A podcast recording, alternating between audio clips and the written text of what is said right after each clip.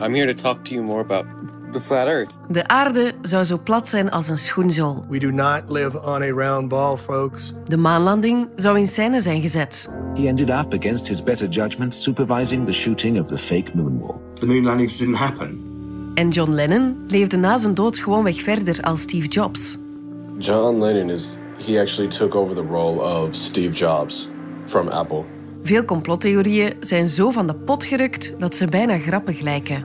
Mensen met rhesus-negatief bloed zijn mogelijk aliens. Q is you, QAnon is actually JFK Jr. and Q is me. En toch kunnen ze wijd verspreid worden en doordringen in elke laag van de samenleving. Dit is mijn eerste toevallige contact hier. En ik word al meteen beschuldigd van deel uit te maken van een internationaal complot. Dat is wel bewezen dat dat erin kan in die vaccins. Dat ze je kunnen volgen, zo chips. Ik was er eigenlijk heilig van overtuigd dat als je een vaccin zou zetten, dat je ter plekke dood zou neervallen, om het zo te zeggen. 5G, you know that kills people. En ze zijn gevaarlijker dan je denkt. A cellular tower set ablaze. Kijk hoe artsen een tumor genezen via meditatie.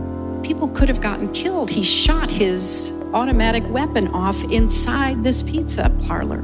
Er zijn zelfs complottheorieën die fatale gevolgen hebben. Als je daarin gelooft, dan moet je alle middelen gebruiken om je tegen de Joden te verzetten. A fatal shooting at the Brussels Jewish Museum has claimed its fourth life. En dan zal je vergeleiden in een genocide. 6 miljoen Joden zijn vermoord. Wie gelooft die theorieën? Voor mij lijkt dat super raar nu dat ik daarmee weg was. En toch is dat zo geweest. Wie verspreidt ze en waarom? Q is trying to tell people the truth through questions and giving clues. President Trump announced the release of ads, including ones entitled Stop the Steal. Hoe gevaarlijk zijn ze? Als dat niet voldoende bewijs eh, is dat samenzweringstheorieën gevaarlijk zijn, dan weet ik niet wat wel. En vooral, wat kunnen we er tegen doen? Conspiracy mensen die zelf gekke theorieën hebben, die bereik je moeilijk. Ik ben zo bang dat iemand dat 21 is en dat stel je voor over 10 of 20 jaar ineens wakker wordt en nog moet beginnen aan je leven.